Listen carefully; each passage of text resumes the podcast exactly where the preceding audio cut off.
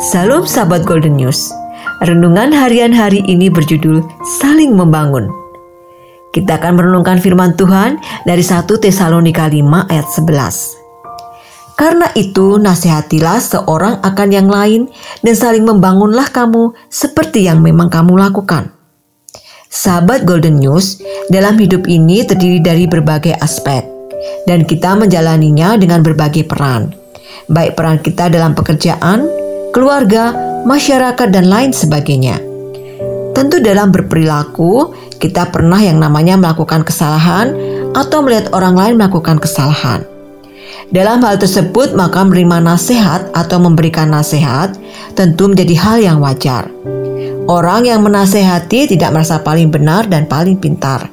Sedangkan yang dinasehati atau ditegur harus membuka hati dan menerima nasihat dari temannya. Orang yang membangun dalam membangun iman seseorang. Ia harus mengarahkan orang itu untuk lebih mengenal Allah secara pribadi. Karena ketika seorang mengenal Allahnya, maka dia akan hidup benar di hadapan Allah. Maka dalam hal ini menjadi sangat penting bahwa ini kesempatan kita bersinergi dan saling membangun sehingga kita akan bersama-sama bertumbuh kepada sebuah kedewasaan hidup. Jangan alergi terhadap nasihat.